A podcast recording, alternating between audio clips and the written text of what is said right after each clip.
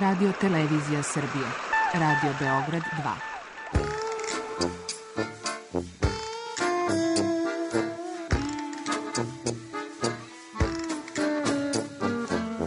Rekli su mi, gospodine, vi ste promašili temu. Pa ja sam onda promašio život. I ne znam šta će da bude sam. Kaže, ja ne mogu više te čuvam. Šta da ti radi, kaže, snađi se kako znaš. Mi smo kao u kafesu. Za nas to je najmrtvo. To je mrtvo za nas, naročito. Ja bih želela neko da me usvoji. Da bih želela. Govori da bih te video. Program dokumentarnog zvuka.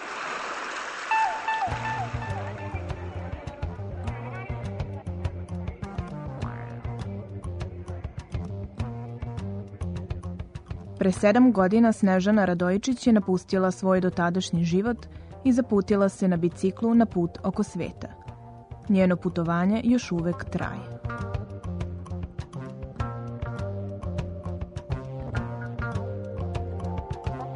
Ja sam lik iz biblioteke. Mene putovanje uopšte nisu zanimala.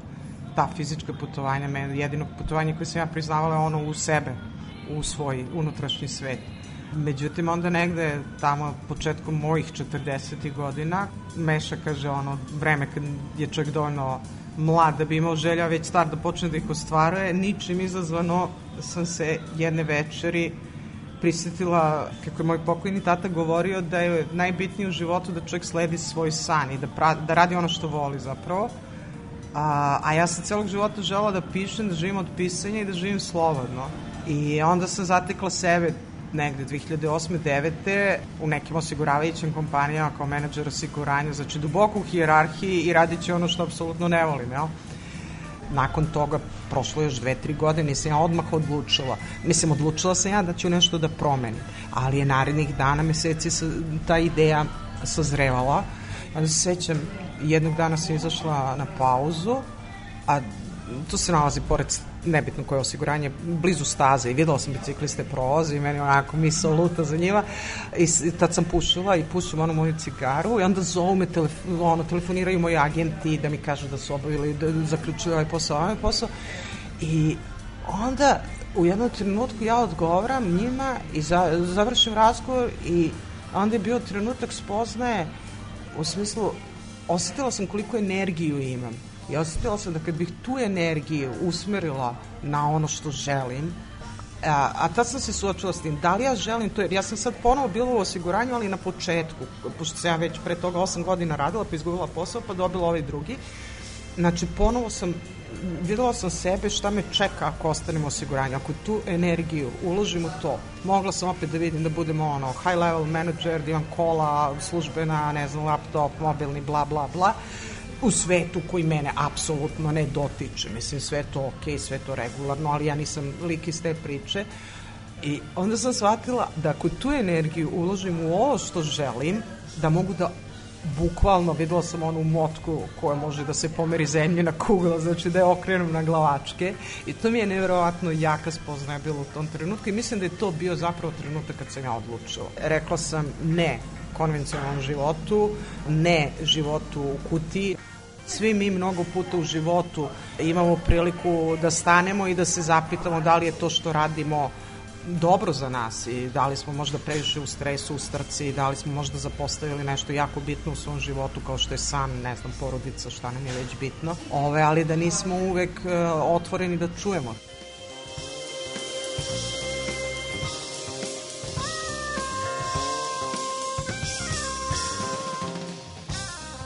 Kažu ljudi, maštam ceo život da idem na put oko sveta bicikla. Ja nikad nisam, naravno, jer nisam ni maštala da idem na put oko sveta, ali bicikl prvi sam dobila kad sam bila dete, to se sećam, i onda moja sestra je uspela da padne, da se polomi sa tog bicikla, Ovo, i onda je tata zabranio da vozimo bicikl. Ja nisam smela vozim bicikl do 18. godine. Mislim, nisam smela da imam bicikl, nego sam ono molila da mi neko da, vozim, daj mi krug, daj mi krug.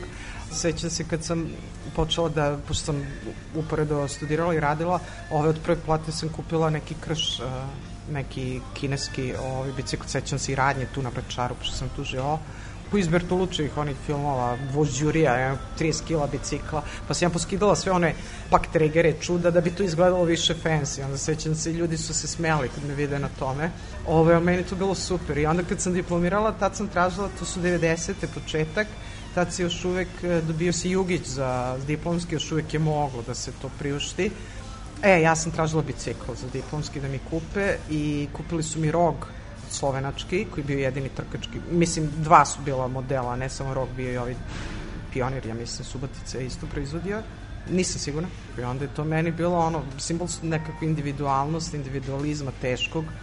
Mada negde početkom 2000-ih sam otkrila putovanja biciklom i društvo, znači rekreativci biciklistički, pošto su tad krenuli prvi sajtovi ovde u Srbiji i naletila sam na taj ciklo Svet Srbija i to mi isto značilo puno jer sam otkrila da može da se putuje biciklom, da može da se izađe izvan grada, da se ode na dan, dva i da se potpuno ono promeni perspektiva, da nije samo krug oko Ade ili ne znam tu po Novom Beogradu. Tako da mi je to puno značilo. Onda sam putem toga upoznala ljude ovde koji su već vozili bicikl, putovali. Onda sam jednom, sećam se, to je bilo 2010 ugostila sam porodicu koja je putovala stroje male dece, a, išli su do Vijetnama, krenuli su iz e, Švajcarske. Te noći sam isto pričala sa tim Patrikom, ocem te porodice, I onda sam shvatila, pa oni, ako oni mogu s decom, šta meni smeta, da, mislim, šta mene sprečava da ja krenem. Tako da je sve to, mislim, sve to bilo povezano. Nisam ja sad cela pa napravila neki plan, nego jednostavno sve to uticalo da se rodi takva odluka. Kad se rodila ta odluka, onda je bilo prirodno da izaberem bicikl, jer sam već bila na tom biciklu.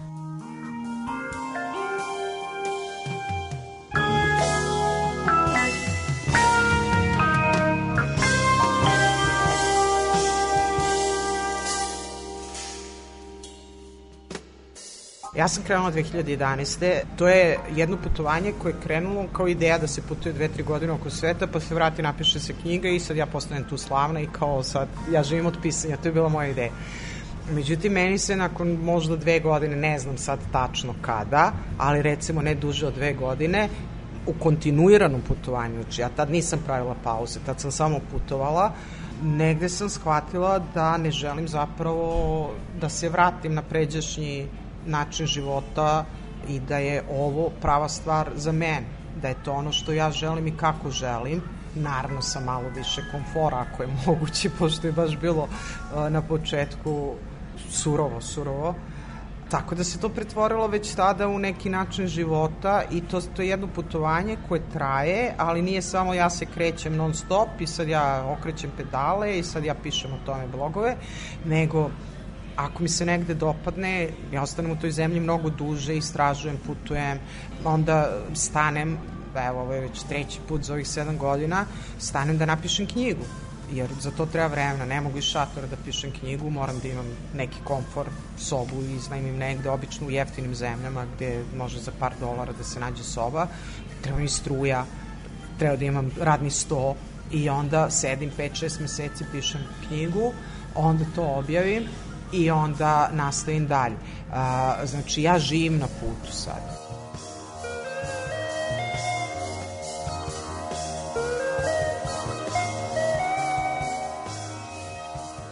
Kad sam ja to odlučila da krenem, dakle, ja sam imala dva straha velika, pošto nisam imala nikakvo iskustvo jeli, u putovanjima samostalnim.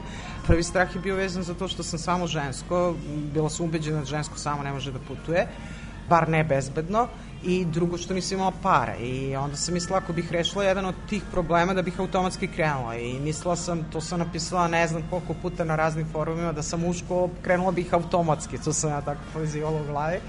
I onda sam krenula da se raspitujem među drugarima, planinarima, biciklistima, rekreativcima, da li bi neko se usudio tako nešto. Ideja, kažem, bila dve, tri godine da se vozi pa da se vrati, se napravi taj krug oko sveta koji je 40.000 km, kao ekvator je toliko toliko, ovaj, obim ekvatora je toliki. Međutim, niko nije, ne znam, mogao, smeo, hteo, nebitno. I onda se negde 2010. otkrila uh, portal, uh, najveći cikloputnički portal, američki i jedna od sekcija tamo je tražen društvo i sad vi tamo imate sve one opcije da čekirate šta tražite, ne znam, hoćete da putujete sa ovim godištem, sa onim godištem, raspom godina, hoćete da putujete na niskom budžetu ili da plaćate karticama, jel, kuvate večeru zasebno ili delite, jel spavate, ne znam, u šatoru ili u hotelima i tako dalje čak ono religijsko, seksualno opredeljenje, sve možete da i onda se ja izabrao tamo dvoje, troje ljudi, napravimo mi tim, putujemo sporo, lepo, dve, tri godine sa minimalnim budžetom, to su bili moji zahtevi.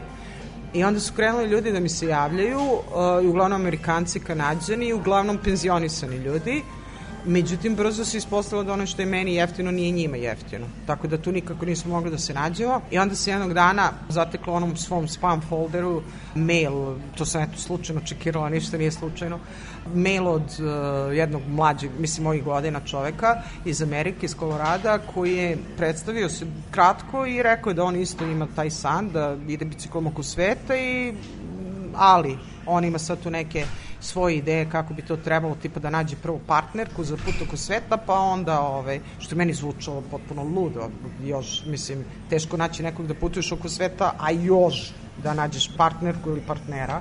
Međutim, onda smo i krenuli se dopisujemo, razmenili fotografije kako to već sve ide. Ovaj, on ima veliko iskustvo, on je već putovao mnogo godina biciklom, obišao puno toga, sa bivšom ženom, ne znam, putovao dve godine po Africi biciklom i takve stvari.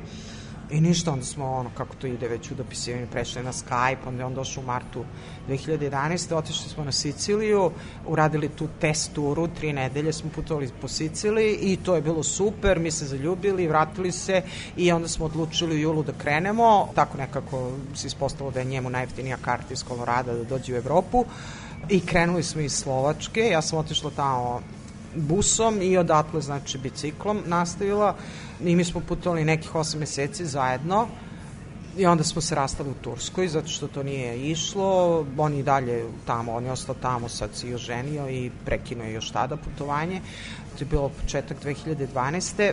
Ja sam odlučila da nastavim dalje, zato što sam htela taj put i pre njega, ovaj, iako sam izgubila bajku ljubavnu, ovaj, nisam žela da ostanem bez svog sna.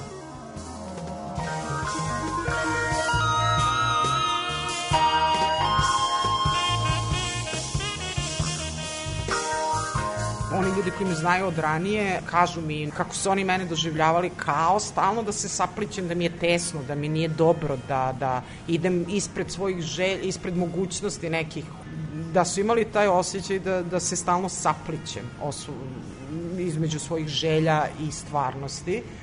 Ono kako se ja sad osjećam u svemu, pa da, to je to. Mislim, ja sam nekako bila sputana stalno ranije, ja ne mislim da je ovo normalno što ja radim, se razumemo, mislim, ja ne mislim da sam ja normalan lik i treba biti frik da se ovo radi, treba biti vrlo specifičan spoj karaktera i, i nekih sposobnosti, ajde da kažem, ali jednostavno to je nešto što, što u čemu se ja osjećam dobro, zato što sam uh, u jednom trenutku pre par godina ja postala svesna, ljudi to ne znaju, ne mogu da znaju i ne vide to naravno, ali šta smatram zapravo lično, šta ja smatram svojim, svojim najvećim uspehom, to je što sam uspela da nametnem sebe životu, da nametnem sebe svetu, što, što, što više ne, ne pokušavam sebe da prilagodim uh, životu, nego sam izborila prostor za sebe u kome ja mogu da budem najviše ja.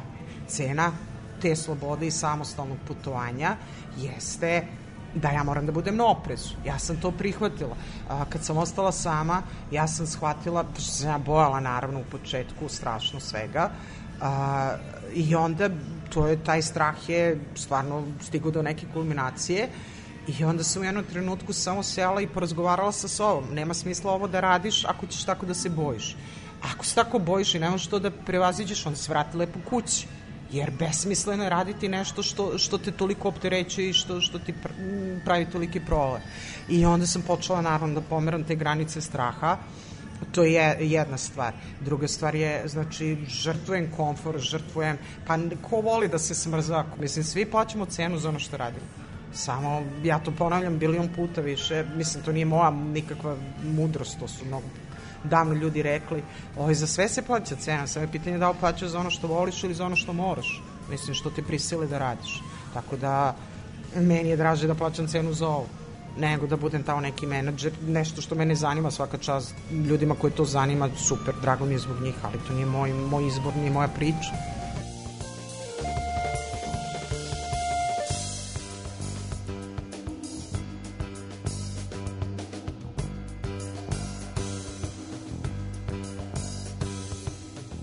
Dakle, ja sam krenula sa tim minimalnim budžetom 150 evra mesečno, ok, bila sam sa tim čovekom i to je bilo naravno lakše kad je dvoje ljudi, pritom on je imao mnogo više para, pa sam mogla da se oslanja na to.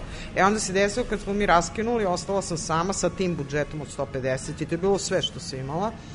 I onda se desilo da je moj podstanar po srpskom običaju pobegao, ostavivši dug za infostan 600 evra koji do dana današnjim nije platio.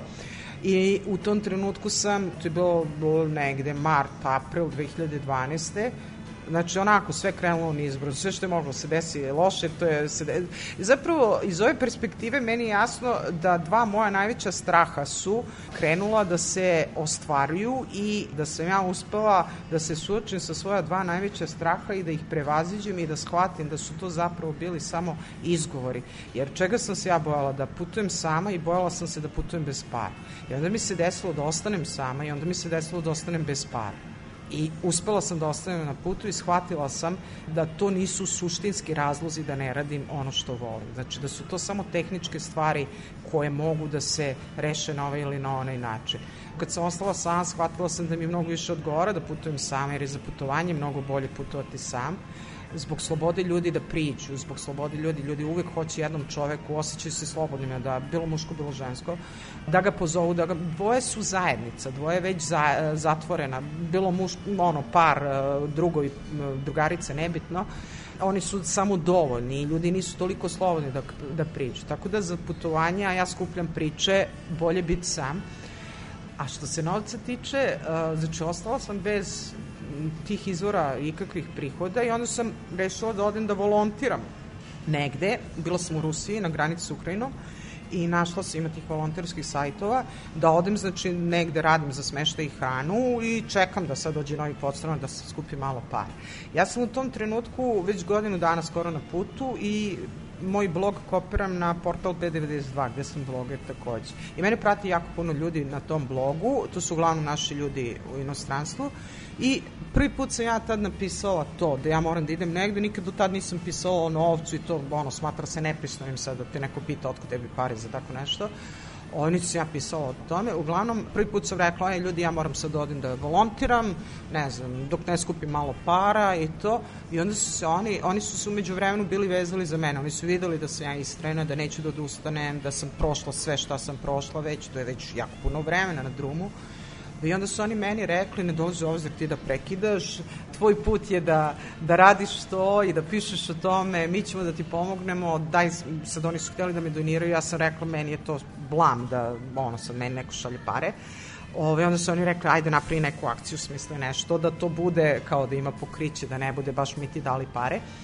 E, onda se ja našla na internetu, neki englez je pravio akciju jedan, uh, jedna funta, jedan kilometar jedna funta i onda se ja napravila jedan kilometar jedan evro, znači sad neko želi da ja vozim negde, gde on verovatno nikad neće ići i kupi te kilometre tog putovanja i tako mi simbolično pomogne, jel?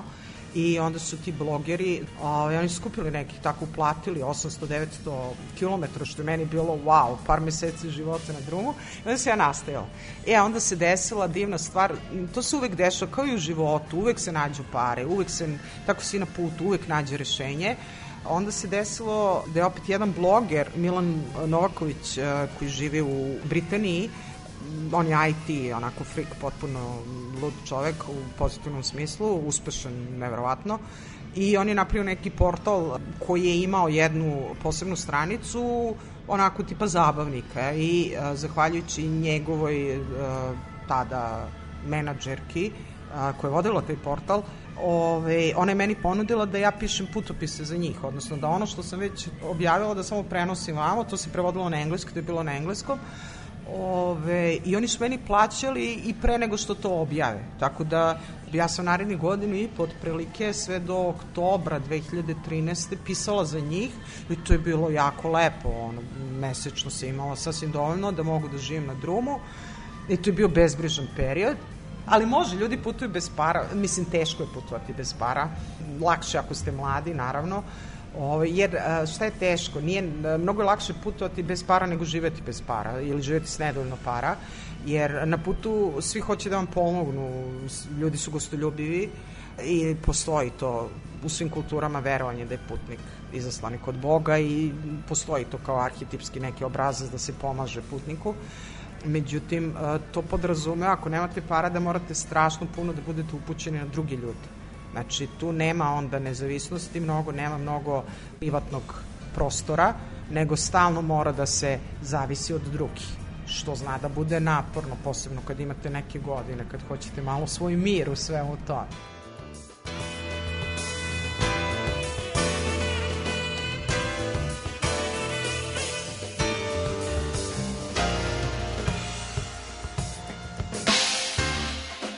Često pričamo o tome kako je jedna od najbitnijih stvari koje sam učila na putu da kažemo da, da kažemo da prilikama, da kažemo da, da se osmehnemo detetu, da kad nas neko zaustavi da stanemo, da kad nas neko pozdravi stanemo, da uočavamo oko sebe. E, to je ono što pisac uh, i nehotice radi, uočava detalje, pisac se ogleda u detalju. Ne znam, mislim, ljudi meni kažu, meni je to drago, sad ono da ne zvuči neskromno, naravno da mi je drago, jer radim to zbog pisanja sve na kraju krajeva, a, kad mi kažu, ma nama ne trebaju uopšte fotografije, nama je dovoljno da čit, no, ono, mi prvo pročitamo pa onda gledamo fotke, ako ih i gledamo uopšte, Ove, zato što i, i moje objave su jako dugačke, znate, ja sam proučavala tamo kako se radi taj internet marketing malo, a, pošto mi naravno od toga mi zavisi koliko ću knjiga prodati, Ove, I sad tamo jedno od prvih pravila na Facebooku kao nemoj da stavljaš dugačke objave. Moje objave su po 4-5 stranica u Wordu. Znači, takvi su mi reportaži. Ljudi to čitaju, ja vidim po komentarima. Ne svi, ali jako puno ljudi to pročita i uvek kažu, jao, pa bilo kratko. Kako čoveče, bilo kratko, 4-5 strana, ne mogu više, kucam na mobilom ili ono, nemam struje, pa ove, na brzinu. Tako da, suština u pisanju je deljenje, deljenje sebe, svog sveta, doživljaja, čega god hoćete, to je sad već stvar žanra, a, kako ćete ispoljiti sebe, a, ali imam strašnu potrebu da delim sebe. A, a to znači da pričam nekome, da, da nekog pozovem, da mu kažem ovo je, ovo je fantastično, ali to mi nije dovoljno, meni treba mnogo reči da iskažem to što želim i što vidim, osjećam, što doživim. A, tako da meni ove, uh, ova tehnološka dostignuća su zaista onako fenomenalna stvar, zato što um, prvi put kad sam recimo pravila se jednu test turicu pre polaska na put, tad još nisi imala ni društvo ni ništa, 2010. po, po Srbiji šest dana. I znači tad nije bilo tih smartfona, internet je još uvek bio onako vrlo mali, vrlo mali broj ljudi je koristio internet, Facebook tek počinja, ja sam imala desetoro prijatelja na Facebooku otprilike. A, I onda se ja putovala po Srbiji i sećam se jednog trenutka, a, ispala sam se tamo na, iznad Zlatarskog jezera. I sad kreće, tu, tu sam na vrhu, treba da krenem spust i e, tu se nalazi Vidikovac i pruža se onako Zlatarsko jezero, pogled na Zlatarsko jezero, iza su planine. I to je toliko lepo bilo da sam ja osetila onu potrebu, ja sam krenula da zovem sve moje prijatelje da im puštam SMS-ove kao ej ti moraš da ovo je fenomen, ovo izgleda tako dobro, tako bih volala da možeš ovo da vidiš. I onda sam to shvatila zapravo da ja ne bih mogla da putujem sama to sam shvatila. Zato što moram da podelim sa nekim, jer to je samo pola doživljaja ako tako neku lepotu vidite sami. A, međutim, eto, desilo se zapravo da mi više odgovara da putujem sama, jer onda mogu a, da pišem o tome. I, znači, M delim, M ispunjavam svoj san o tome da, da pišem. U savremenom svetu je sve jači taj pritisak ovaj sistema koji nas koji melje ljude, koji koji pravi od ljudi ono mašine uh, i ljudi čeznu za tim da izađu iz te kutije i to je svuda u svetu prisutno. I vi imate jako velika, ali Srbija naravno kasni za svim tim zbog svega što nam se dešavalo a, vi imate i, i čitave mreže, znači televizijske u Americi koje snimaju emisije o ljudima koji žive u prikolicama, u vanovima, koji žive na neki alternativni način, putuju, žive od blogovanja, žive od YouTube-a, od vlogova svojih ili na neki drugi način online. A, imate milionsku zajednicu digitalnih nomada, znači to su ljudi koji se bave raznim stvarima. Ili su opet blogeri, marketinški stručnjaci, dizajneri, arhitekte, copywriteri, programeri, koji jednostavno odu negde, putuju, onda stanu gde im je lepo, ostanu tu, žive tu neko vreme, rade posao, znači za posao im je potrebno samo ono brzi Wi-Fi. Dobro, oni uglavnom žive, imaju mnogo više novaca nego što ću ja verovatno nikada imati, zarađuju jako puno na tim poslovima. E, meni često padne na pamet kad bih ja to mogla da prenesem nekako ljudima ovde da shvate da nisu vezani. Svet je postao zaista, to, to jeste fraza, postoje selo. A, ljudi su sad prvi put u mogućnosti da biraju gde hoće da žive, gde im je lepo. Ne dolaze oni stranci tamo, ne znam, jedan Bali zato što, a, ili u Kinu ili ne znam gde, da žive tamo zato što im bolje uslove nude tamo. Ne, pa oni imaju dobre uslovi kod kuće, sigurno, ali znači njima je to egzotično, njima se dopada klima, dopadaju im se ljudi, kultura, hoće nešto novo da nauče a, i onda ostanu tu kad im više nije do toga, sele se, tu su i ljudi sa porodicama, znači nije, nije to isključivo vezano za sami ljude ili za, za ljude koji su ono u vezi bez dece. Kod nas u našoj sredini, kažem, ja ne znam nikoga ovaj, da žive na takav način za sada, a, ali recimo primećujem i tu pomake o, kad sam krenula, Znači, to je bilo, kažem, meni su se ljudi i podsmevali i svašta nešto. Nisu me podržavali u tom smislu. Sada to nailazi na toliko odobravanje, znači delom zbog toga što sam ja istrela, a delom zbog toga što dopire, napokon je stigao taj talas, stiže u Srbiju isto, i osjećaju ljudi. Niko ne želi da živi u toj puti, svi bi želeli da se oslobode, ne vide načina, misle da su vezani, neki jesu vezani ovim ili onim. I onda im je, mnogo im znači kad mogu da vide da je moguće. I to meni pišu ljudi, napišu mi kao ti si dokaz da je moguće živeti svoj san, da je moguće ne biti deo sistema, A ja mislim iz ove perspektive da je mnogo lakše to nego što se čini iz perspektive nekoga ko nije ni počeo.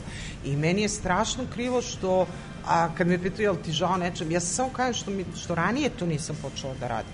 A, I obično kažem kad mi, kad mi kažu ti si hrabra, pa nisam ja hrabra u ovom, ja sam bila hrabra da kažem ne tome.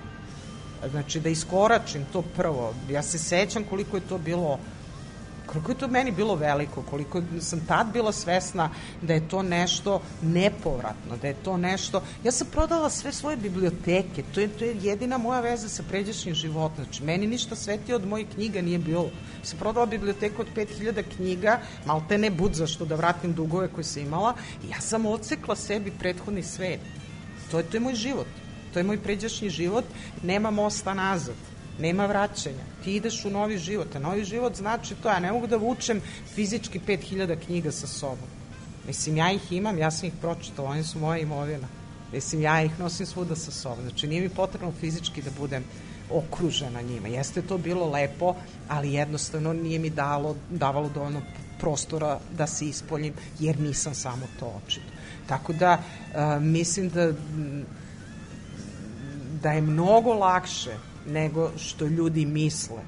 Samo treba da reši čovek nisam zadovoljna ovim, želim da živim na ovaj ili onaj, ne ovaj, opet ponavljam, ne moj način, taman posla da svi slede ovo da rade, nego neki njihov način, a, jer postoje razni vidovi slobode i potpuno individualno određenje šta je sloboda, ali znači ako nisi zadovoljan, reci ne tome što nisi zadovoljan, samo ti možeš da kažeš ne, niko ne može umesto tebe da, da izvrši tu promenu, tako da to je, to je i neka eto, poruka moja.